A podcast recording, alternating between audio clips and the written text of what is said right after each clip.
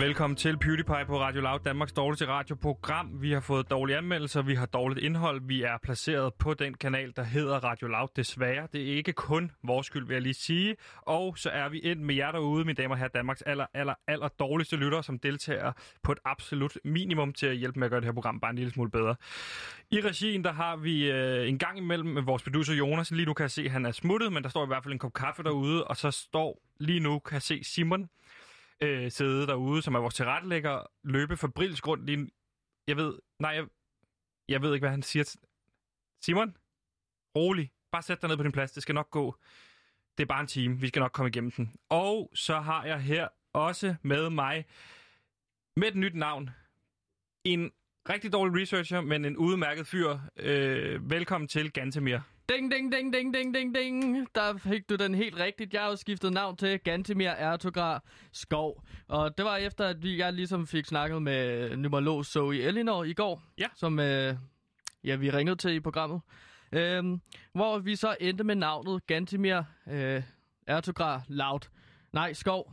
Øhm, og jeg føler mig allerede frisk. Spæ- fyldt Ja, op med ny energi. mit første spørgsmål. Hvordan har du det? Eller hvordan Jeg har, har- det været? Jeg har det rigtig, rigtig godt. Jeg kan godt mærke, at den her navneforandring, den hjælper mig virkelig meget i gang. Hvordan kan du Øhm. nævne et eksempel på sådan konkret, hvordan har det hjulpet dig her de sidste 24 timer øh, med, den, med det nye navn? Nå, men jeg fik ikke et panikanfald i går, for eksempel. Det får jeg ikke hver dag. Men det var bare sådan, at det, det, det var dejligt, ligesom ikke at have det. Og ellers så er jeg, øh, ja, så er jeg bare glad. Solen skinner. Det er dejligt. Og det er jo øhm. også en Øhm. dejlig dag i dag, fordi øh, der har jo ikke været nogen coronanyheder i dag. Der har ikke været noget nyt med det Nej. pis. Nej. Så har der ikke været nogen nyheder omkring det der lives matter. Øh, så, så det Ja. er som om, at vi er lidt, øh, vi er lidt øh, fritstillet i dag, fordi de er lidt mere tunge nyheder. Ja, det er, det er dejligt. Ligesom at, det er, jo, det er jo sådan en solstråle-historieprogram, som vi kunne kalde det. Øhm, fyldt med solstråle-energi. Øhm, så jeg, ja, jeg er hammerne glad. Gantimir er rigtig glad. Jeg hedder ikke Kåre, jeg hedder ikke Gandalf, jeg hedder Gantimir. Tak, mine damer og herrer. Okay, rolig nu. Du, du Jeg tager er meget bare så glad. lige nu over det her Ja, program. men jeg er så glad. Tag det Og det, er, roligt. det, er, det er navnet, der ligesom kan få min energi op booste, og som du også sagde i går, så kan det godt være, at det ikke endte med at hedde Champ Succes, som du gerne vil have. Men jeg tror altså virkelig på, at min stor, st- øh, større energi, at det ligesom øh, øh, ja, kommer til at booste det her program rigtig godt. Ja, og det er rigtig dejligt at høre. Men øh, det er heller ikke nogen hemmelighed her på, øh, på Radio Loud, at, øh, at det går af helvede til. Det har været tydeligt fra start af, at det går dårligt, og sådan er det sådan set også. Øh, vi har personligt ikke været gode nok, det er vi fuldstændig klar over her på PewDiePie, det medgiver vi, men vi er sat med heller ikke alene om det. Så derfor er det blevet tid til det, som vi her på, øh, på kanalen har valgt at kalde internt feedback på Radio Loud.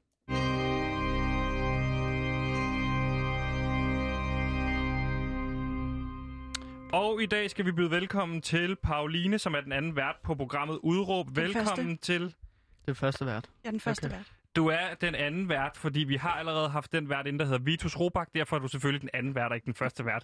Velkommen til, Pauline, vært på Udråb. Hvordan har du det lige nu? Jeg har det fantastisk dejligt. Jeg øh, er ved godt mod. Jeg har lige lavet et øh, knald godt interview, hvis jeg selv skal sige det. Ja, fortæl Nå, lidt, fordi nå, nå. du sender jo... Du sender jo, inden øh, vi sender her Mm. øh, på PewDiePie. Det er også derfor, vi er interesseret i det her udråb-program. Hvad er det, du lige har lavet mellem, øh, mellem 12 og 13? Jeg har haft Tobias øh, øh, Weisse, sådan udtaler man det, inden. Ja. Øh, han er formand for Dansk Folkeparti's Ungdom, og han, oh. Åh, Oh. oh, er det godt? Nå nej, vi er jo, vi lavede jo lavet øh, DF. det, den Ja, ja, der står jeg selv på, det- på mål for. 100 procent. Øh, 100 procent, ja. Vi har snakket om strukturel racisme, fordi han mener, at ikke-vestlig indvandring er den største udfordring, som oh. vores generation står overfor. Ja. hvad, så, hvad sagde han det? Det sagde jeg. Ja, det sagde Okay. jeg. Har du også haft nogen øh, fra venstrefløjen ind? Det har jeg også haft. Ikke i dag, Nej. men en anden dag. Godt.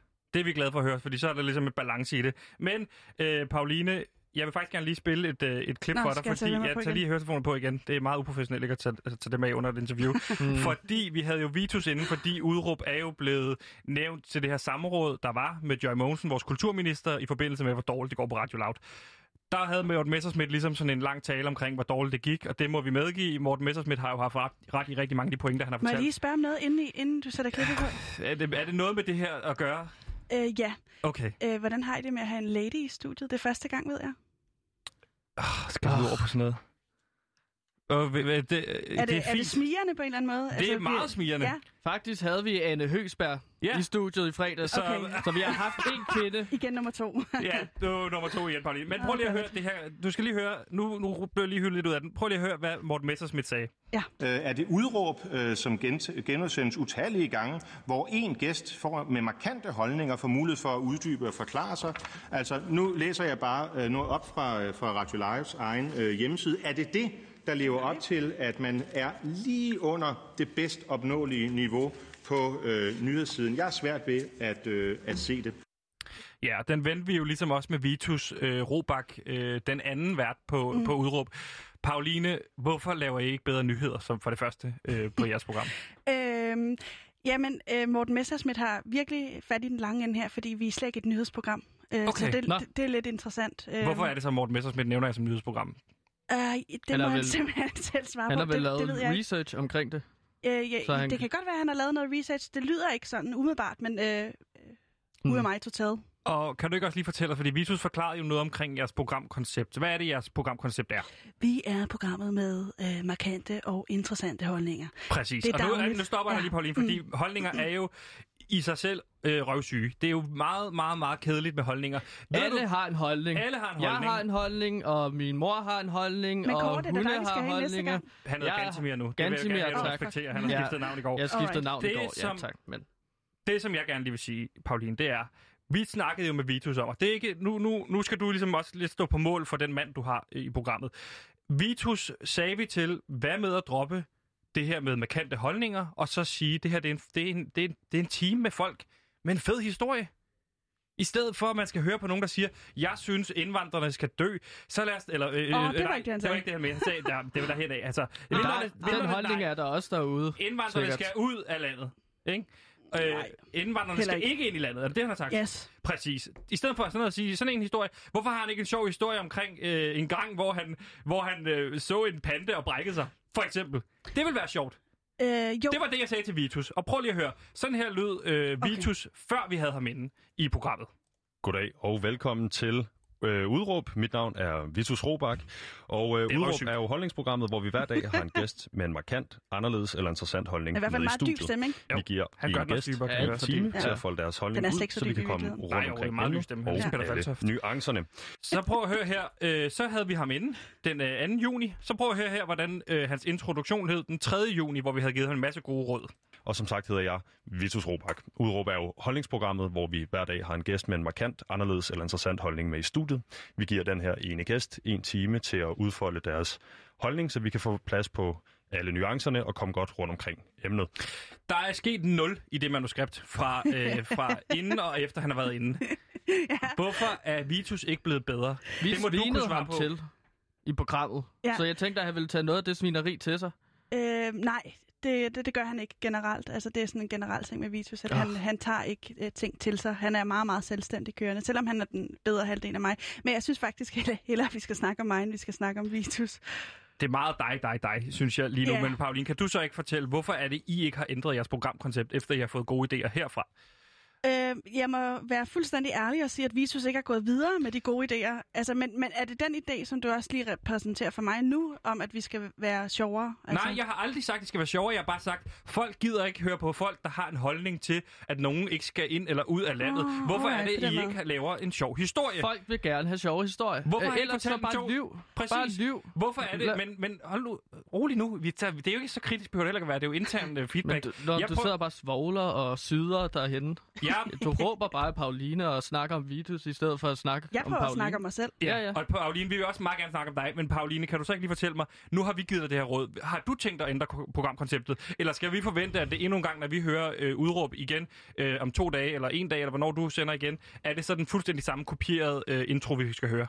Eller kan vi få en god historie? Altså, øh, Vitus må stå på mål for, for hvad... Jeg tror ikke, han kommer til at ændre den helt ærligt med hånden på hjertet. Det tror jeg ikke, han gør. Jeg kan godt finde på at lege lidt med den. Altså, Ja, jeg, jeg Du kunne, godt, du kunne godt finde på at lave en sjov historie, eller få, få en ind, der har en sjov historie. Altså, jeg er ikke så sjov generelt. Du skal ikke fortælle sjov historie. Du skal bare få folk til at fortælle en sjov historie, i stedet for at fortælle noget, som Jamen, folk Hvor, bliver... hvor, hvor langt er det nu, jeres program er? Øh, 55 minutter. Er det ikke ligesom jeres? 55 minutter? Så skal der altså flere sjove historier, tror jeg, end bare én. Hvis det er jo også lige meget, så kan det være, at en person kommer ind med tre sjove historier. Okay, på den måde. Øh, jeg vil godt lige marinere lidt øh, over den. Jeg kan ikke øh, love noget lige på stående fod, fordi vi er jo også hængt op på det her, Morten Messersmith også refererer til det her øh, meget lange og kedelige øh, samråd. Ja. At øh, han, øh, vi, holder os, sim- vi skal simpelthen holde os knivskarpt. Helt, helt, helt, helt tæt på Enig. Planen. Ja. ja. Og vi må ikke vige overhovedet. Ikke en Men hvad er millimeter. Der er for, for jer? mange genudsendelser, siger han allerede nu. Ikke? Kan du høre det? Altså, åh, hvis vi laver for meget om i den der, så er vi, ikke, Men så er jeg vi er altså sikker på på, det. hvis jeg ringer til Morten, øh, så siger han... Og prøv at høre, jeg, jeg siger til Morten, prøv, nu er du Morten. Nej, nu er du Morten. Okay, jeg er Morten. Hvem er jeg så? Du er ikke med i den her samtale. Nå, der er ikke okay. tre med en samtale, der er to med en telefonsamtale. Jeg ringer telefonen op. Ja, hallo, det er Morten. Morten, glad for, at du tør så hurtigt. Det er Sebastian inden for Radio Loud. Jeg Hej, Sebastian. beklager, at det går så dårligt, bla, bla, bla, vil jeg så sige. Ikke? Og så vil jeg sige, Morten, jeg har en idé. Ja, Sebastian, du fyrer løs. Tak skal du have, Morten. Morten, nu skal du høre. Øh, det der program udråb med Vitus øh, og øh, Pauline, de har en masse... Øh, Kloster. hvad, se- er du Morten nu, eller er du Pauline? Nej, Svar til Morten. jamen, det er jeg. Pauline Jeg er Morten. Kloster. Godt. Jeg er Morten. Ja. Men du mener Pauline Kloster? Ja, lige præcis. enormt flotte radiovært Ja. for, øh, for Radio Loud.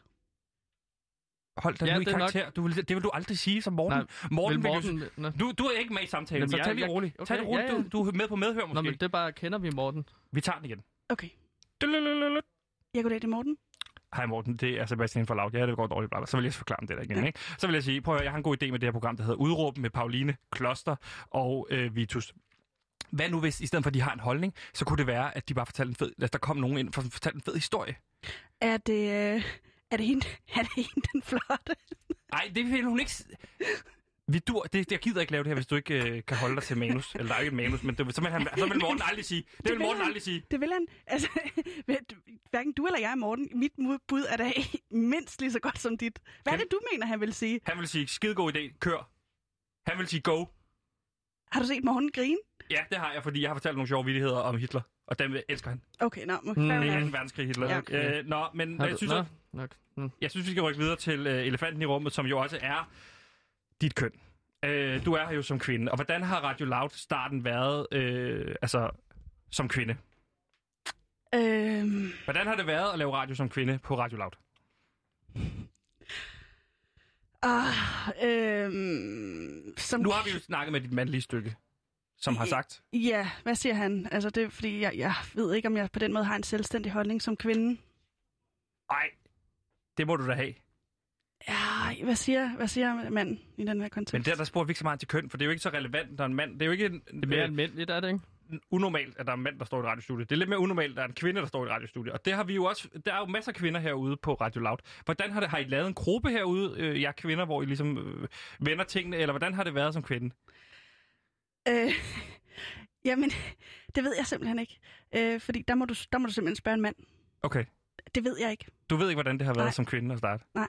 Har du et spørgsmål, Gantemir? Nej. Du, okay. Nå, skal Jeg- jeg, spørge har- om noget? Nej, nej, du skal, kan jeg jo du kan godt. sagtens deltage. Det Har du noget fint. erhvervserfaring?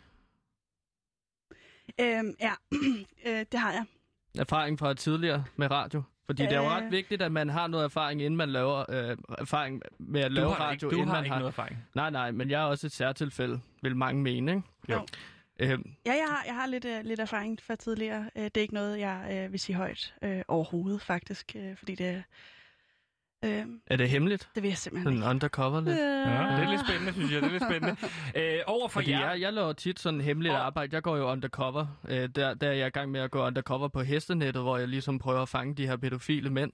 Øh, blandt andet ved at udgive mig for at være min lille søster er på det rigtigt? 13 Nej, år. det er ja. helt forkert. Okay, jeg kan Øhm, godt lide, nu har men- du brugt, brugt Men det overfladen. snakker jeg jo meget om i radioen live. Jamen, så jeg bliver inspireret. Jeg, Yes, øh, jeg yes. kommer med den. Øh, jeg har lavet en øh, podcast julekalender. Ja. Øh, den hedder Hendes Jul, og øh, det er en øh, kvinde, som afprøver øh, fem forskellige stykker sexlegetøj og bedømmer dem med nissehuer. Ah. Men, okay, det, det er spændende. Hvorfor gør du ikke det på loud?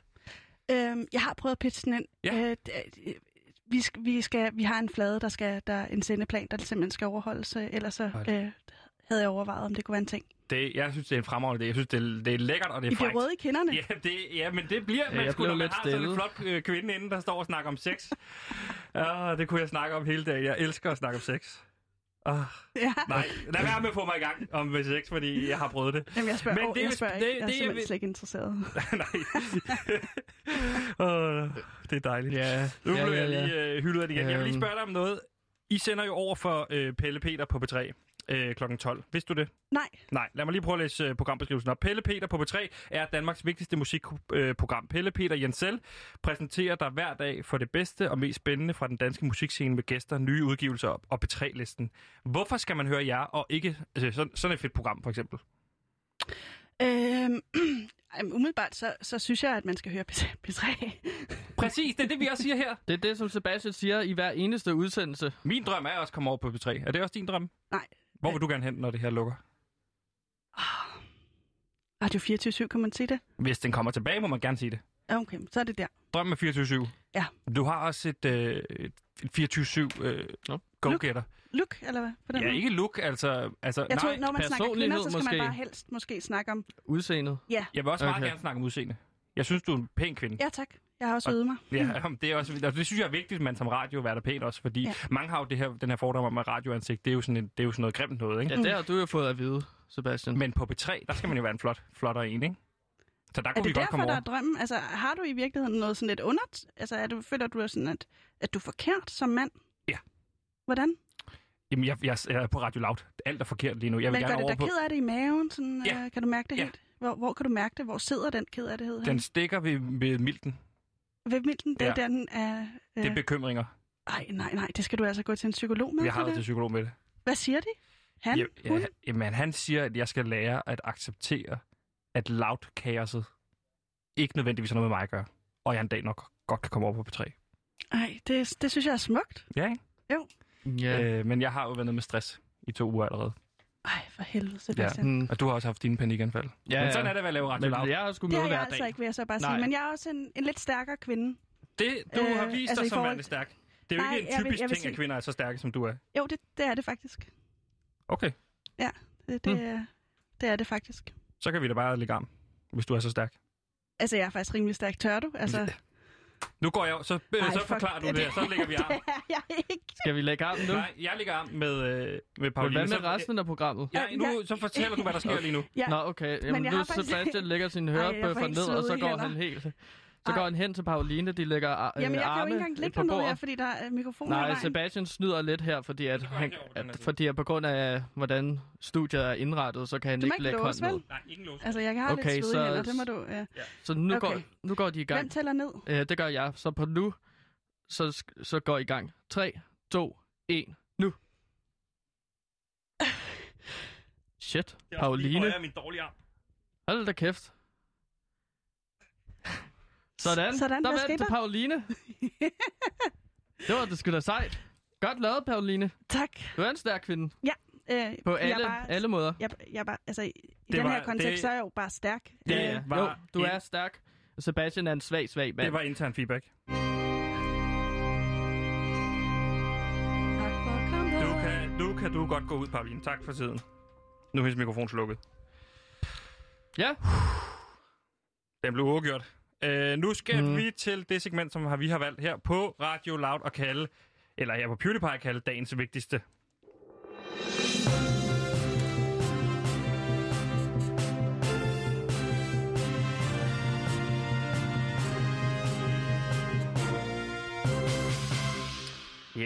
Yes, Gantemir, jeg er lidt af en nyhedsjunkie. News, news, news, news it up and news it down. Jeg læser det hele, jeg lapper det i mig, og Lap, lap, jeg, lap. husk, du altid kan få et billigt Zetland abonnement derude, hvis du lytter til en eller anden random podcast. Men det, jeg vil sige, det var, dagens nyhed, den handler om Sverige. Nu skal vi til Sverige, Bum, og jeg har lyst bum, til at sige, "Shh, down, shut, shut, you shut, bang, bang, you shut me down, fordi nu bliver det drabeligt. Hmm. For i går kunne man læse i det svenske medie Aftonbladet, at politiet er kommet i besiddelse af det skydevåben, som i 1986 skød og dræbte den svenske statsminister Olof Palme. I dag kan man så læse, at den formodede gerningsmand er Stig Engstrøm, bedre kendt som Skandiamanden. Skandiamanden arbejdede som reklamemedarbejder hos forsikringsselskabet Skandia, og i den forbindelse fik sit øgenavn. Magasinet Filter skrev i 2018 en artikel om hans højre radikale baggrund, og at han har mulig adgang til våben, og i den forbindelse kom han i politiets søgelys.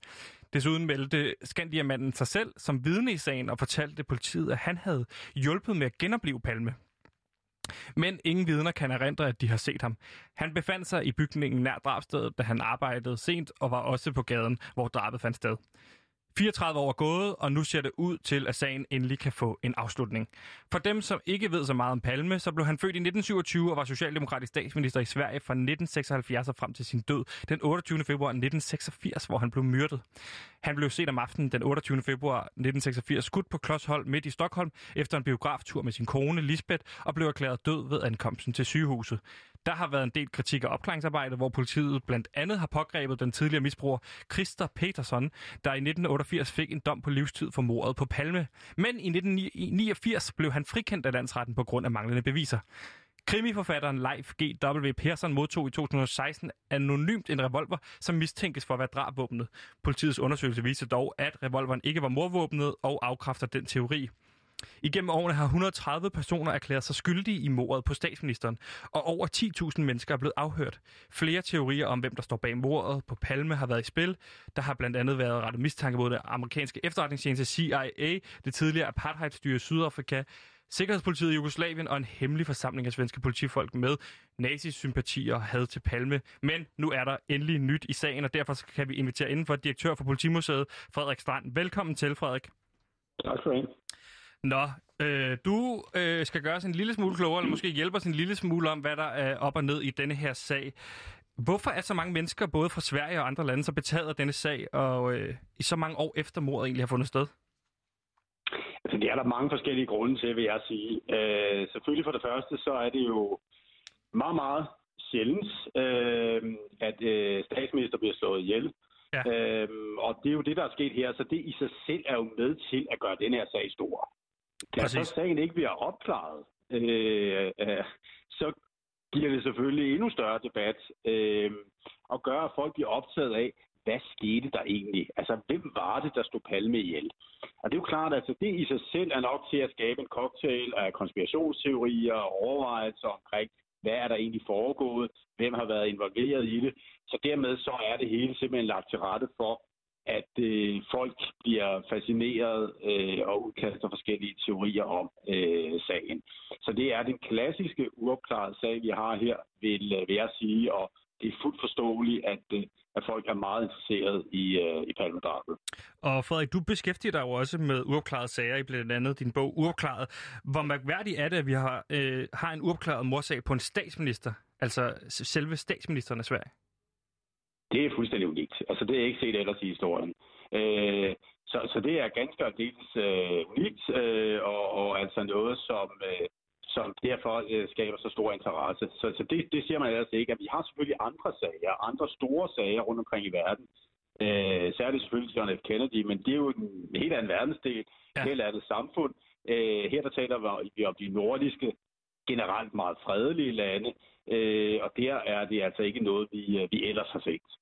Og det, altså, nu, er det jo, altså, nu er det 34 år siden, og nu er der endelig nyt i sagen. Hvorfor har det været så indviklet at få den opklaret? Altså, den er jo, det er jo sket på åben gade.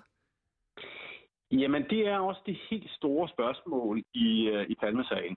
Øh, og det er det, der også har skabt den her store debat. Altså, øh, man skulle umiddelbart tro, at øh, sådan en sag som denne her, vi taler om en af de mest omdiskuterede statsminister i svensk historie, også inden han bliver slået ihjel, som bliver myrdet på åben gade. Og der, der kan man sige, at her burde politiet jo sætte alle ressourcer ind, og forhåbentlig ikke lave særlig mange fodfejl. Men det, der sker i forbindelse med den her sag her, det er, at svensk politi fra sagens start griber den fuldstændig forkert an. Det kan være mange forskellige grunde til, øh, men altså man kan fra starten se, at de laver helt basale efterforskningsfejl i at sikre gerningsstedet, også kriminalteknisk, og bagefter forfølger nogle spor, øh, som også i bagklodskabens lys på mange måder virker meget amatøragtige. Så altså, der er så mange fodfejl øh, og problemer i efterforskningen, at, at, det, at, at, at, at det virker mærkeligt, kan man sige. Så den her sag, den, for mange synsvinkler så burde den her sag jo have været opklaret, men det bliver den ikke. Øh, og det er selvfølgelig meget mærkværdigt, vil mange mene, når der bliver sat så store ressourcer af, også undervejs i forløbet, men alligevel bliver der så lavet alle de her mange øh, fodfejl undervejs. Men er det noget, man kan sådan snakke mere generelt om? Er, det, er, er, er de svenske politibetjente, eller den politi, politienhed i Sverige, er de dårligere end de danske? Nej, bestemt ikke. Øh, det er de ikke. Altså, svensk politi er generelt godt. Øh, øh, godt uddannet, har mange ressourcer, og man har set mange andre sager, hvor de var forløbet ganske glat, når vi har set på, på svensk politi. Så man kan ikke generelt sige, at svensk politi er dårligere end, end dansk politi. Og derfor er det jo også endnu mere mærkværdigt i forhold til øh, palmedrabet, at der ikke findes en opklaring på det, når der bliver sat så mange ressourcer ind, og når vi taler om en så kendt person. Så det er mærkværdigt, øh, og det skyldes altså ikke, at svensk politi generelt er, øh, er, er dårligt, er, er inkompetent eller dårligt uddannet. Slet, slet ikke. Det er, er faktisk ikke tilfældet. Så man mærkværdigt er det. Ja, nu snakker du lidt tidligere om uh, de her konspirationsteorier, der ligesom dukkede op i uh, uh, løbet af, ligesom man undersøgte sagen her. Uh, der er jo kommet utallige teorier om, hvem der står bag mordet på Palme, blandt andet CIA og det tidligere apartheidstyre i Sydafrika. Men hvorfor er det, det bliver blandet på sådan en global plan? Men altså, det skal man sige på Palme. Øh, altså, Olof Palme, han var, inden han bestod hjælp, meget omdiskuteret. Og det skyldes den måde, den profil, han havde lagt på sit statsministerembede. Altså, den måde, han ønskede at være statsminister. Den måde, han ønskede at forme Sverige på. Altså, Sverige skulle være en form for humanistisk stormagt. Det var hans store ambition. Og derfor, det betød, at øh, han forsøgte sig som fredsmæler øh, blandt andet mellem øh, USA og Sovjetunionen, altså forsøgte at få stoppet den, den kolde krig, kan man sige, eller forsøgte at være en eller anden form for mediator i forhold til det. Øh, det betød også, at han lagde sig ud med øh, apartheid-regimet i Sydafrika, for netop at få det afviklet. Altså han var mm. imod mm. den måde, øh, de sorte blev undertrykt på i, i Sydafrika. På den måde lagde han sig altså ud med, med øh, de sydafrikanske myndigheder. Øh, han lagde sig også ud med blandt andet kurderne, fordi han forholdt sig skeptisk, kritisk til øh, PKK, altså uafhængighedsbevægelsen øh, i, øh, i Tyrkiet. Øh, han har godt, lagt, lagt, godt nok lagt sig ud med mange, må man sige. Det har han. Øh, han har lagt sig ud med mange undervejs i hele forløbet her. Så der, og derfor er det ikke mærkværdigt, at så mange kommer i spil i forhold til, hvem der kunne have stået Palme ihjel. Fordi han bliver virkelig en, en skikkelse, som bryder vandene. Og nu vil det nævnt tidligere i jeres program også det her øh, omkring, at der var en måske nazistiske grupper i politiet eller lignende. Og det, og det skyldes jo formentlig, at der var store grupper i det svenske samfund, som var meget imod den øh, hvad skal man sige, orientering, han blandt andet havde mod Sovjetunionen, øh, som jo var kommunistisk. Øh, så, så, så, så, så, så der var virkelig betydelige grupper, som, som havde øh, Palme som et, øh, et hadobjekt. Det, det, det skal man ligesom have i en mente, når man ser på, på den her sag her. Hmm. Altså nu er det jo så kommet frem, at den formodede gerningsmand er Stig Engstrøm, altså ham, der var kendt som Skandia-manden. Øhm, men kan du fortælle os lidt om, hvem han var, eller er? Altså, Stig Engstrøm er en person, som var. har, øh, øh, eller var, ja, for han er død nu, øh, som havde kontakt til øh, grupperinger, eller en gruppe, som, som var meget palmekritisk. Der har hørt også været tale om, at han var reklametegner Øhm, øh, og grafiker, at han øh, muligvis har stået bag nogle af de her øh, satiretegninger, der har været af, af Palme. Men han var altså øh, absolut kritisk indstillet over for, for, for Palme, og havde også relation til i hvert fald en af de grupper, som, som, øh, som, som var imod øh, Palmes øh, statsministerembede og den retning, han havde for, for Sverige. Og så er der jo det særlige ved det, at han er et af politiets væsentligste vidner i den indledende fase af efterforskningen. Det er jo meget, meget mærkværdigt. Øh, og det viser sig jo, at øh, han undervejs i forløbet kommer med forskellige forklaringer på sin rolle i det hele taget i forbindelse med, hvad han har set og den slags ting. Øh, og han arbejder jo lige ved siden af, hvor Palme bliver slået ihjel i Skandia-bygningen. Det er i navnet af Skandiamanden. Øh, så der er forskellige ting, der kobler ham til stedet. Og måske allervigtigst det er, at der er nogen, der øh, mener, hævder, at, øh, at, at han havde adgang til, øh, til våben, og muligvis det øh, gerningsvåben, som jo aldrig er blevet fundet. Øh, jeg formoder heller ikke, at politiet ligger inde med det nu. Det ved jeg jo ikke, men de har i hvert fald ikke præsenteret det på det pressemøde, der var, øh, som øh, skulle have været gerningsvåbnet i forhold til øh, drabet på, på Palme. Så der er en lang række forskellige aspekter selvfølgelig i forhold til øh, Stig Engstrøm, som, øh, som, som kobler ham til, til gerningsstedet. Men nu har jeg jo set den her serie, der hedder Mindhunter på, på Netflix. Er det ikke... Der, der, der fortæller de jo om, det, er jo, det kan jo godt være typisk for i hvert fald seriemorder, det der med at blande sig meget i politiets arbejde, for ligesom at involvere sig i sagen, ligesom i den her katten efter musen ting, så kan de godt lide at blande sig i det her, ligesom Zodiac og så videre. Er det, er det sådan en slags adfærd, vi ser for Stig? Eller har set for Stig? Ja, det vil jeg ikke udelukke. Øh, altså, fordi vi har set det i andre sager, at, at sådan noget gør sig gældende, og det er faktisk ikke helt forkert. Der er Danmarks historiens største øh, sag, som vi sammenligner af til med palmedrabet, dobbeltmord på Devangsvej. Der Ja. taler man om, at gerningsmanden faktisk vender tilbage, og på samme måde inddrager sig selv i, øh, i sagen. Ham, som man har i spil og ser som mulig gerningsmand i, øh, i den her sag, i, altså et, et dobbeltmord på Devangsvej, han kommer også tilbage og forklarer, øh, omkring familien og så videre. Det var en ven af familien, som man fra politiets side mistænkte, og han agerer lidt på samme måde som, øh, som Stig Så, så, så det sker, ja. Øh, og, og, øh, eller, det er en, en adfærd, man af og til ser hos, øh, hos gerningsmænd, og det er muligt, at det har kunne være et spil her i forhold til, øh, til, til Skandiamanden også. Øh, det kan være svært at forklare, hvorfor gerningsmænd af og til gør det, men, øh, men det, det er en mulighed, at det går til gældende her. Men det er jo... Øh, nu er han jo død, Skandiamanden, og han har begået selvmord efter sine. Øh, kan, altså, kan man retsforfølge en mand, der er død? Det vil man ikke kunne i Danmark. Jeg er selvfølgelig ikke helt øh, skræmme ud i den svenske lovgivning. Øh, men i Danmark øh, vil jeg vurdere, at den her sag her, den vil ikke kunne øh, køres til doms, øh, alene af den grund, at øh, vedkommende er død, øh, og derfor hverken vil kunne tilstå, eller at nævneting vil kunne, kunne dø, altså, altså, det vil sige, at nævningen vil kunne dømme ham efterfølgende i den her sag her. Så jeg vil vurdere, at den her sag her, øh, på baggrund af det materiale, som vi har her, som er fremlagt under det her pressemøde her, så vil vi i Danmark sige, at den, den her sag ville ikke have fundet sin, øh, sin opklaring. Fortsat være, være uopklaret, øh, fordi øh, gerningsmanden øh, er død. Øh, og derudover så er det altså også sådan, at det materiale, som man ligesom har gravet frem i forbindelse med den her sag her, mener jeg ikke er nok til, at man endelig og uomtvisteligt vil kunne sige, at, øh, at han var gerningsmand. Men det er, altså, det, det er mit bud på det. Øh, men det, det vil jeg sige, øh, at det i hvert fald vil være vanskeligt, og i hvert fald vil være vanskeligt i Danmark at gøre det, øh, at sige, at han var gerningsmand. Men nu tyder det jo på, at sagen får sin afslutning her 34 år efter. Hvor, er det, hvor atypisk er det, at, at en så gammel sag alligevel ender med at få sin afslutning? Det er meget atypisk. Altså, vi kender jo enkelte sager i Danmark, for eksempel Amagermanden, øh, hvor øh, der efter, det er jo så 20 år der, hvor, hvor en sag bliver, bliver genåbnet af drabet i Fasanskoven for eksempel. Det er en af de berømte kvindedrabssager. Øh, så der ser vi eksempler på det. Det er på baggrund af tekniske beviser. Men det er meget, meget sjældent, og det er da helt uhørt, øh, når vi ser på den her type af sag her, at drab på en statsminister, at den muligvis finder sin endelige afslutning efter 34 år. Det er, det er helt øh, enestående, vil jeg sige. Frederik Strand, direktør for Politimuseet. Tusind tak for din øh, tid, og tak for hjælpen. Selv tak. Er det godt? Hej. Hej, hej. Yes, det var dagens vigtigste.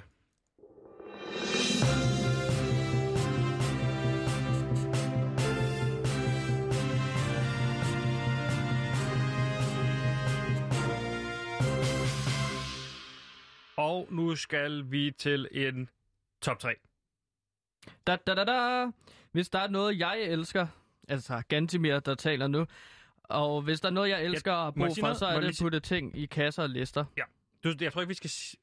Hvad hedder det? Inden vi det, siger det er jo noget, bare for at folk sørge for, at folk, når de stemmer. hører min stemme, at jeg har ændret navn.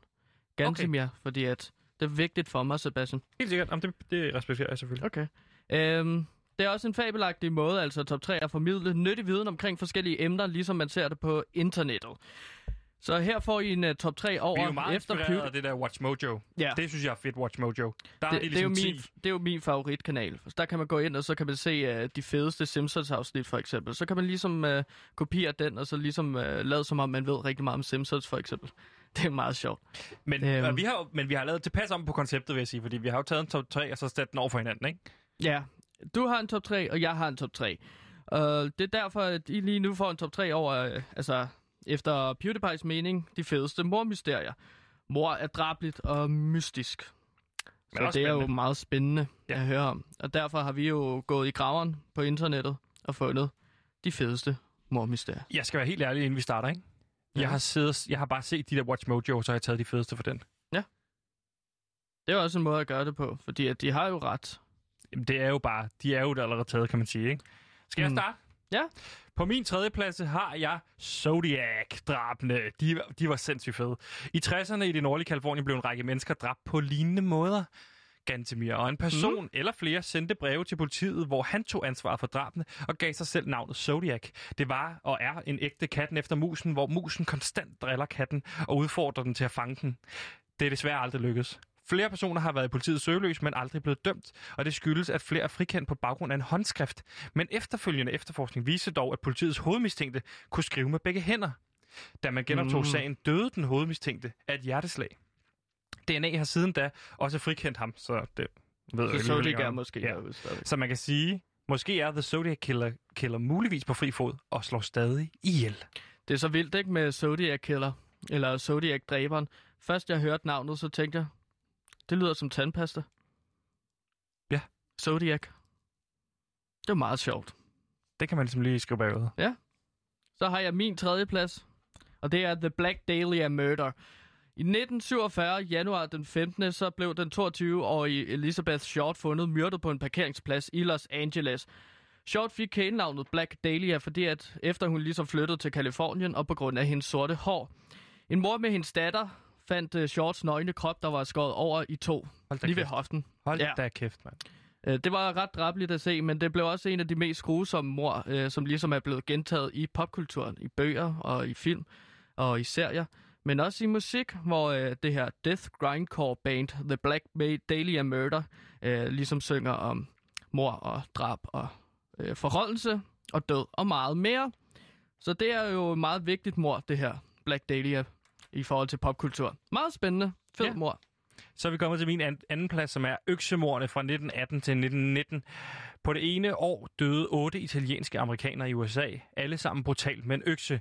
Det er stadig i dag ikke til at sige, hvem der står bag, men senere sendte øksemorderen et brev til politiet og påstod, at han ikke var et menneske, men snarere en dæmon. Uh-oh. Efter brevet blev sendt, der stoppede morerne. Morderen fortalte også i brevet, at han elskede jazzmusik, ja. Mhm. og derfor aldrig valgte at slå folk ihjel fra hjem, hvor han kunne høre, der blev spillet jazz. Så i og med, at morderen aldrig er blevet fundet, så er øksemorderen muligvis stadig på fri fod og slår ihjel. Bum, bum, bum, bum. Spændende. Ja, Det, øh, øksen. Det er sjovt at have sådan et forhold til jazz, hvor man bare ikke vil slå folk ihjel, hvis de hører jazz. Ja. Det er, Sådan har jeg det også. det er lidt quirky, vil jeg mene. Nå, men så på min anden plads, så har jeg altså mordene på Tupac Shakur og The Notorious B.I.G. Og musikhistorien er fyldt med rivaliseringer og, og hårde ord mod hinanden. Men måske er en af de mest kendte rivaliseringer den mod Tupac Shakur og Notorious B.I.G., som ligesom begge to var gangster-rapper og topkunstnere for hver deres pladeselskab. De to rapper døde jo med mellem 6 måneder øh, mellem sig. Det er lidt sjovt. Et halvt år, ikke? Man, Og- ved, hvem der, har- man ved ikke, hvem der har gjort det. Man ved ikke, hvem der har gjort det, men de døde begge to i en drive-by shooting. Altså nogen, der er kørt forbi og så ligesom skudt dem. Man har en mistanke om, at det er nogle af de her øh, øh, bander, som Crips eller Bloods. Fordi at de ligesom øh, repræsenterer en masse bander. Øh, man har ikke fundet morderne, men altså, det er jo teorien i hvert fald. Eller man har ikke fundet morderne. Øh, der er også en teori om, at de ligesom har forfalsket deres død. Og Okay. lever lykkeligt i dag, ikke?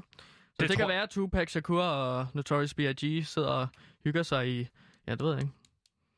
Argentina vil jeg Ja, byde. Det vil være mit bedste bud. måske. Ja, Et lille jeg tror, sommerhus. Jeg tror, Argentina er et bedre bud, ligesom Hitler, som også har gemt sig i, øh, i Argentina. Ja. Min nummer et, de fem drab på de prostituerede i 1888, det er selvfølgelig Jack the Ripper-mordene. På trods af, at han har et navn, så er han aldrig blevet fundet, og derfor en af de mest legendariske mordmysterier nogensinde. Mordene skete over 12 uger i 1888 i det fattige område i London ved navn Whitechapel. Mordene skete kun i weekenden eller på helligdage, hvilket har skabt spekulationer med sig. Var det muligvis en læge, som stod bag og myrdede i sin fritid? Ja, øh, moderne DNA-metoder har efterfølgende kunnet bevise blod på en af offrenes kjoler stammet fra en polsk flygtning ved navn Kaminski, som boede i området og var psykisk syg. Men om det rent faktisk var ham, der stod bag, eller blot var, havde været en tur forbi en prostitueret tidligere, er ikke til at sige. Men muligvis er Jack the Ripper stadig på fri fod og slår ihjel. Stadigvæk Jack the Ripper i dag. Det er ikke til at sige, men det er dødspændende. Men det er jo sådan 150 år siden snart. Nå ja, for helvede. Ja, okay, den er måske for meget. Så skulle han have været måske 180 år i dag. Men man, Det, det, altså man ved jo aldrig. Altså, jeg, Mo- jeg har set så mange teknologi. spændende, spændende teorier, og teorier, der bliver afkræftet omkring øh, robotmennesker og reptilmennesker og øh, ja, alt sådan noget. Så jeg skal da ikke kunne sige, at øh, Jack the Ripper stadig er er Diablo. Hele Sydfyns Radio. Jeg ved ikke, det sker bare nogle gange. Det er jeg simpelthen ked af. Skal jeg lige lave min f- sidste plads her? Tag Første din, plads. nej, din første plads. Okay, førstepladsen, mine damer og herrer, det er mordet. Det her er Diablo. Jeg Hele ved- Sydfyns Radio. Jeg ved ikke, hvad der det største. Jeg ved ikke, hvorfor det gør den. Førstepladsen er mordet på den gamle, ældre, søde kvinde Karen i Herlev. Det blev begået af Hammermanden. Og Herlev, det er jo forstedet til København. Øh, Det er der, jeg kommer fra, så jeg kan ligesom komme med øh, en historie her, som ingen kender til. Og der, er Diablo. Hele Sydfyns Radio. Sebastian, Sorry, jeg, jeg rører ikke noget. Jeg er det fordi, at der er en knap, der sidder fast, eller hvad? Nej, jeg ved Fordi det ikke. at jeg, jeg skal lige komme med den her lokale historie. Tilbage i de senere 90'er skete der noget forfærdeligt, som rykker ved hele lokalbyens Herlevs opfattelse af sig selv som en rolig og familievenlig by. Det skete på, øh, med et mord på en sød ældre kvinde ved navn Karen. Og den dag i dag ved man stadigvæk ikke, hvem det er. Ingen mistænkte Karens mand Martin, da han var en rigtig guttermand og kunne spille klaver på de lokale bodegaer. Han var så sød, har jeg fået at vide. Der var altid god stemning omkring øh, øh, Martin, og alle drillede ham og kaldte ham Hammermanden, også før mordet. Øh, fordi at han bare altid, når han spillede klaver, så hamrede han på klaveret, og det lød bare helt tosset, når han sad og spillede sin Kim Larsen-covers og så videre. Øh, men drillerierne tog for alvor fat, da hans, øh, og han blev ligesom kaldt Hammermand, efter at Ka- Karen, hans kone, ligesom døde med utallige slag af en hammer i hovedet. Shit. Ja, han, så han man blev- kaldte ham venlig- stadigvæk Hammermand. Hvad så, Hammermand? Har du slået din kone ihjel? Men han Altså, blev kaldt ha, ha, ha. Han blev kaldt han, han Hammermand tog det inden. meget... Hvad? Han blev kaldt Hammermand inden. Ja, fordi han Men er det ham, der har gjort det? Jamen, man har ikke fundet ud af det, men jeg skal prøve lige at komme til det. Han lå bare de der drillerier omkring, han blev kaldt kammermanden før og efter mordet på hans kone, fordi han er en guttermand og en rigtig charlatan. I dag er Martin så flyttet et andet sted i landet, men rygterne går på i Herlev, øh, der hvor jeg kommer fra, at hammer, hammermanden rent faktisk slog sin kone ihjel.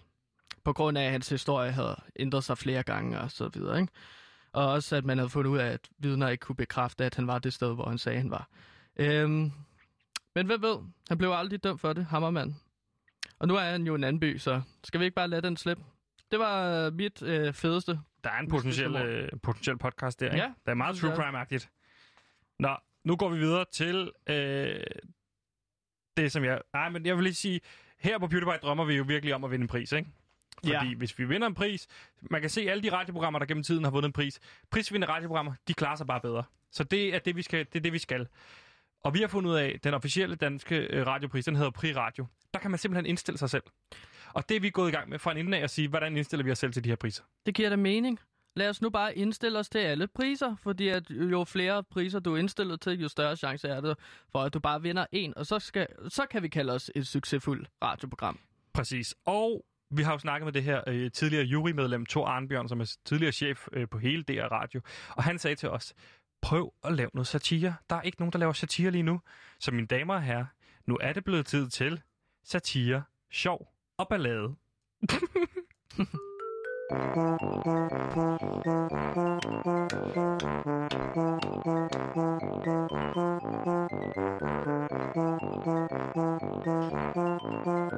Det er da godt langt.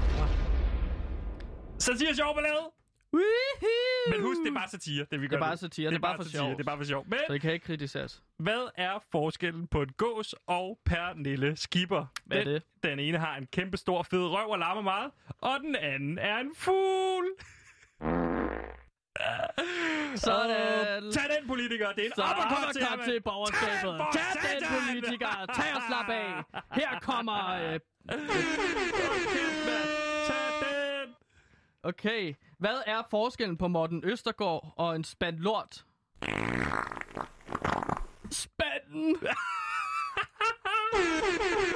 Tag den, Morten Østergaard. Er du racist, eller er du ikke racist, Hvad sker der, mand? Bøj en uppercut til borgerlige Uppercut lige under hagen. Uh, uh, uh. Okay, så kommer det sidste her. Er du klar? Hvad er forskellen på Jeppe Kofod og en bums? Hvad er det? Jeppe Kofod venter ikke til du er 12 år, før han kommer på dit ansigt. Oh, me so horny. Me love you long time. Ej, tag det alle sammen. Uppercut til borgerskabet. Værsgo. Værsgo, politikere. Værsgo. Knivstik. Next up, Rasmus Paludan. Whoop, var satire, sjov og ballade.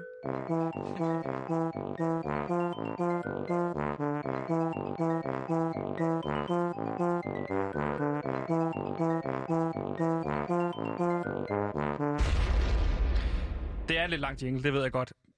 Men nu skruer vi lige ned igen, og det, det er vigtigt, at den her jingle ligesom markerer, øh, her starter satiren, og her slutter satiren. Så nu har, nu har vi ligesom haft satire. Satire mm. er slut, og øh, selvfølgelig, hvis der er nogen, der er blevet ked af det, vi beklager. Det er sgu ikke for at gøre nogen ked af det. Nej. Nu skal vi i gang med dagbog. Du har fundet en dagbog, sagde du til mig tidligere. Ja, På gaden, eller hvordan? Nej, øhm, altså jeg, altså for at komme herhen øh, på Radio Loud Studio, så tager jeg jo bussen. Det er ikke en særlig lang bustur, men jeg tager jo bussen. Og øhm, der fandt jeg en Ja. dagbog. Ja. Øhm, liggende lige ved siden af mig. Så der lå en på et tomt sæde, eller hvordan?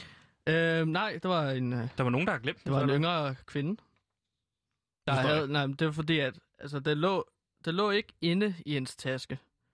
Det lå sådan lidt uden for hendes taske. Så du har taget Det- det var- nej, op fordi- af en ung piges taske Ja. og stjålet den. Nej, fordi at, der var helt 90% ude af tasken. Men på den var, dagbogen. Så derfor er den 90% fri. hvorfor for tog du den ikke bare gav den til hende? Ja, hun, hun var faldet i søvn. Så jeg tænkte bare, at nu, nu tager jeg det bare. Og så ser jeg på det. Så du har Og så er det jo ret en... spændende læsning. Har du læst i den også? Altså, jeg vil bare gerne også lige sige, at hvis du for eksempel har et køleskab, der står 90% ud af din hoveddør, så, så er det jo ikke din. Det skal være over 50% inden for dit eget hus og ejendom. Jeg er simpelthen ikke Så er- sikker på, at der er regler omkring, omkring det, at, at hvis det er 90% ud af dit hus, så ejer du det ikke mere. Det har jeg fået fortalt masser af gange. Okay, men hvad er din idé med det her? Så vil du...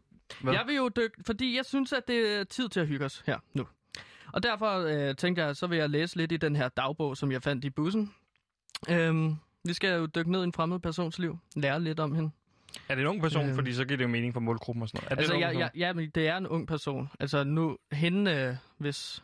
Øh, øh, det var øh, hende, øh, som havde dagbog. Som du har taget øh. Du har stjålet Som, dagbog. som jeg låner, indtil jeg finder hende igen. Øhm, Jeg synes ikke, du skal tage følge efter hende. Det, jamen, synes jeg, jeg skal nok finde hende. det tror du er jeg ubehageligt for hende mig, at jeg vide, skal- at du har jeg- taget hendes dagbog, jeg- og nu begyndt at følge efter jeg- hende. Jeg lover, jeg skal nok finde hende. Nej, Og så skal jeg nok give en dagbog tilbage, og så lige snakke om alt det her, jeg har læst. det står for egen regning. Vi skal Øhm. selvfølgelig gøre opmærksom på, at man altid kan ringe ind til PewDiePie på Radio Lab på 47 92 47 92, hvis man har lyst til Det, at snakke med ja, os. det er en rejse igennem en anden persons liv. Vi kommer til at opleve medgang, modgang og alt midt imellem. Her får I dagbog. Og det er fra datoen, jeg tænker bare at gå to år tilbage. Øh, den 10. Øh, juni år 2018, og det er en mandag. Kære dagbog. I dag er det en ny uge, og forhåbentlig er det også muligt at få rystet sidste uges strabasser af sig. De sidste mange uger har været så hammerende hårde, og jeg føler, at du, kære dagbog, er den eneste, jeg kan stole på. Det er som om, at jeg ikke længere kender dem, der er omkring mig. Mm. For eksempel har jeg ikke kunne få fat på min kæreste Malte hele sidste uge. Mm. Jeg er bange for, at der er noget, han ikke tør at fortælle mig, men jeg ved ikke hvad. Og det er især uvidsheden, der dræber mig langsomt. Det er som om, at min sjæl bliver suget langsomt ud af kroppen, mens jeg bliver hullet med hundredvis af brandvarme nåle. Det gør så ondt. Det er jo meget privat. Det er meget privat, telefonen. virker det som om. Jeg ved ikke... Er du sikker på, det er jo 100% noget, det ganske mere skal stå inden for det her? Ja, det har ja. intet med PewDiePie at gøre. Jamen, nu siger jeg jo, det er PewDiePie. Så jeg tænker, at det er en del af det. Det, det er jo sådan en prisvindende ting, det her. Hvad Det er sådan noget, tænkt, vi vinder hvad priser på. pris skulle vi indstille det her til? Nå, vi hvor kunne du selv stjæler lave- en dagbog og vi- står og læser op for en privatpersons øh, Vi private kunne, liv. vi kunne jo godt lave vores egen kategorier. Nej, det kan fik der vi er at 20 vide. priser. Det koster 500 kroner per pris. Ja. Vi har ikke, vi- altså, vi har ikke så, meget, så mange penge har jeg heller ikke. Jamen, Hvad for en pris har du tænkt, at vi skulle vinde med det her? Nu kan jeg ikke huske det der med en årets øh, indslag. Det ved jeg simpelthen ikke, om der er noget, der findes eller hedder. Nå. Hvorfor ignorerer han mig dagbog? Det kunne også være, at der er sket ham noget, og det Ja. ville næsten ødelægge mig endnu mere, hvis grunden til, at han ikke ringer, er at ikke ville bebyrde mig med sine følelser. Han har kæmpet med depression og dødsangst, hvilket vi har kæmpet hårdt med at få til at fungere. Det bliver meget, nu bliver det meget privat igen. Kan du ikke hoppe hoppe de ting over, som er meget private? Og du nævner også navne og sådan noget. Du har ændret navne, ikke? Nej, nej, altså det er rent ud fra kilden. Jeg, jeg kan ikke sidde og fake, Sebastian. Det ved du også godt. Øh, skal jeg ikke bare gøre afsnittet Hvad? færdigt? Hvorfor, hvorfor vil han ikke snakke med mig? Igen er det usikkerheden om, hvad han føler, kære dagbog. Jeg kan heller ikke få fat i hans forældre. Øh, Jeg kan godt springe nogle afsnit over, så... Altså, Jeg synes, nu synes jeg, du skal jeg ikke køre bare det her. læse? Jo, her du- kommer der noget mere positivt, ser det ud til. Okay. I et mere positivt lys fik jeg at vide, at min søster føde, og jeg bliver moster. Det er da dejligt. Det er da en god nyhed. Det glæder jeg mig bare helt vildt meget til, og jeg skal sørge for at være der for en lille guldklump. Jeg skal lave drømmekager og små sko, som det lille kræ skal gå med. Nej, det er sødt. Ved de, hvad kønnet er? Øhm, det står ikke her. Nej, okay. Da jeg, havde, øh, da jeg var lille, havde min søster og jeg en tante, der altid havde plads i hendes hjerte til finurligheder. Smile, smiley. Mm. Når vi legede i hendes sommerhave, hvor alle drømme kan være, som hun sagde... Okay, det giver ikke mening. Når vi var i hendes sommerhave, så kunne hun finde på at sige, at hun havde en gave. Så skulle man gå hen til hendes knyttede hånd, og når man var tæt nok på, så åbnede hun den og pustede græsstrå i hovedet på os. Lol! Det er sådan en moster, jeg gerne vil være. Det er meget sødt. Ja. Øhm. Bum, bum. Hun, hun, har skrevet, hun har skrevet et digt. Jeg vil betegne mig selv som et kreativt menneske, så, Så synes jeg, du skal sige digtet, men så er der også det sidste. Ja, det kan vi godt finde ud af. Jeg vil betragte mig selv som et kreativt menneske, så som altid har skrevet... Nå, så som altid har jeg skrevet et bandestigt. Hvem skal jeg snakke til, når ingen vil snakke med mig? Hvem skal jeg græde over, når ingen vil grædes over? Min ryg sprættes op, mit hjerte tages ud, min ryst den svinger, og mit sind er et gammelt klud. Himlen er grå, blomster er døde, jeg kan ikke vande, og jeg kan ikke se. Jeg har to hænder, men har intet mod. Hvor skal denne gamle krikke dog vandre imod? Så hvem er jeg? Hvem vil jeg være? Hvem er hvem? Det er ikke blot et spil. Fyldt med karakterer, med sjovt hår og skæg. Ak nej, det er titlen på den film, som projekteres på min væg. Det var lidt dagbog, øh, som jeg fandt i bussen øh, på vej herhen. Det er en anden persons dagbog, skal det lige siges. Og så har hun også skrevet dagens ret af pasta med kødsovs. Det er sjovt. Ja, det, er, det synes jeg er fint. Den øh, tager vi fat på igen. Det her er Diablo. Hele Sydfyns Radio. Jeg ved ikke, hvad der sker. Jeg skal selvfølgelig også lige huske at gøre opmærksom på, at øh, vi har gang i et spil, der hedder aktiespillet Aktiedyst, Yeah! hvor man kan deltage derinde. Lige nu har vi, øh, vi har bedt, bed, bed, bedt jeg 21 øh, lytter om at følge øh, spil med, og vi er lige nu på 33 øh, spillere, hvilket er helt fantastisk. Også lidt underligt, når vi... Spillet Kun- slutter jo øh, her den 19. juni, øh, og vinderen render simpelthen afsted med en Loud Cup, hvilket er jo fuldstændig fantastisk pris. Det er jo noget, man virkelig gerne vil have lige nu. Ja, en Radio Loud det er jo Cup. en kop. Lige nu ligger Carsten fra Nordborg nummer 1. Han er, han er oppe på 4,8 millioner. Han starter med 1 million. Det er jo fuldstændig vanvittigt. Jamen, jeg, jeg følger jo ikke rigtig med i det der aktiedyst. Det er aftalt spil, alt sådan noget aktier. Det er jo bare eliten, der sidder og styrer, hvad, hvad aktierne skal koste og så videre, så den menige mand og kvinde ligesom ikke får lov til at tjene penge på noget som helst. Så det der aktiedyst, det er jeg slet ikke med i. Jeg er slet ikke spillet med. Men jeg skal forresten lige ændre mit navn inde på aktiedyssen til Gantimir Ertogra Skov. Ja. Fordi lige nu tror jeg, der står Gandalf øh, Argos. Nej, Gandalf Skov Argos Loud. Jeg Og det skal ændres. Jeg kan fortælle dig, at du, øh, du ligger i midten. Men du har ikke valgt at investere nogen af dine penge. Nej, det er rigtigt. Og så ligger Jeg jeg, nummer være med 9. til det. Jeg ligger simpelthen nummer 9. Producer Jonas ligger nummer 7. Det skulle også meget pænt. Du kan i hvert fald deltage derinde, hvis du har lyst. Det er ikke et krav, men man kan i hvert fald gøre, hvis man har, hvis man har lyst. Nu er det blevet tid til din solstrålehistorie. Ja!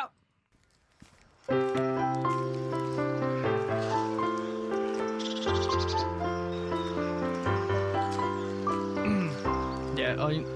Ja. Okay. Nu er den færdig. I en tid, hvor nyhederne er fyldt med corona og banksters og blodtørste milliardærer og reptilmennesker og robotter, der styrer verden, så kan verden godt føles kold og ubehageligt. Men øh, det er derfor, at jeg står her som Gantimir Ertogra Skov og øh, siger til jer, at jeg har en solstrålehistorie. I skal ikke være ked af det. Vi slutter programmet af med sådan en her. Er det ikke bare en aftale? Det er det, men vi Blinke, når desværre ikke mere, fordi jeg kan se, at vi lakker mod. Øhm. inden. Så det var alt for solstrålehistorie. Du må skulle skubbe den til igen i morgen. Jamen. Jeg når altid kun at, at præsentere solstrålehistorien. Du må også speede det lidt op. Det går meget langsomt. Jamen, hvorfor er Hvor det... tid vil du kan, kan, kan vi ikke starte med den næste gang, måske? Det ved jeg ikke. Det må vi lige snakke om. Det var alt for PewDiePie i dag på Radio Loud. Nej, jeg skal Husk- virkelig pisse. Okay, så gå. Så lukker jeg bare ned. Husk, du kan lytte os til os på podcast. Hvis... Okay, nu går simpelthen. Okay. Nå, så tager jeg den alene. Husk, du kan lytte til os øh, på podcast. Og øh, ellers så øh, vil jeg bare sige, at du skal have en rigtig god dag derude. Det er torsdag i morgen. Ugen er snart uge. Uge er slut, så tag det roligt.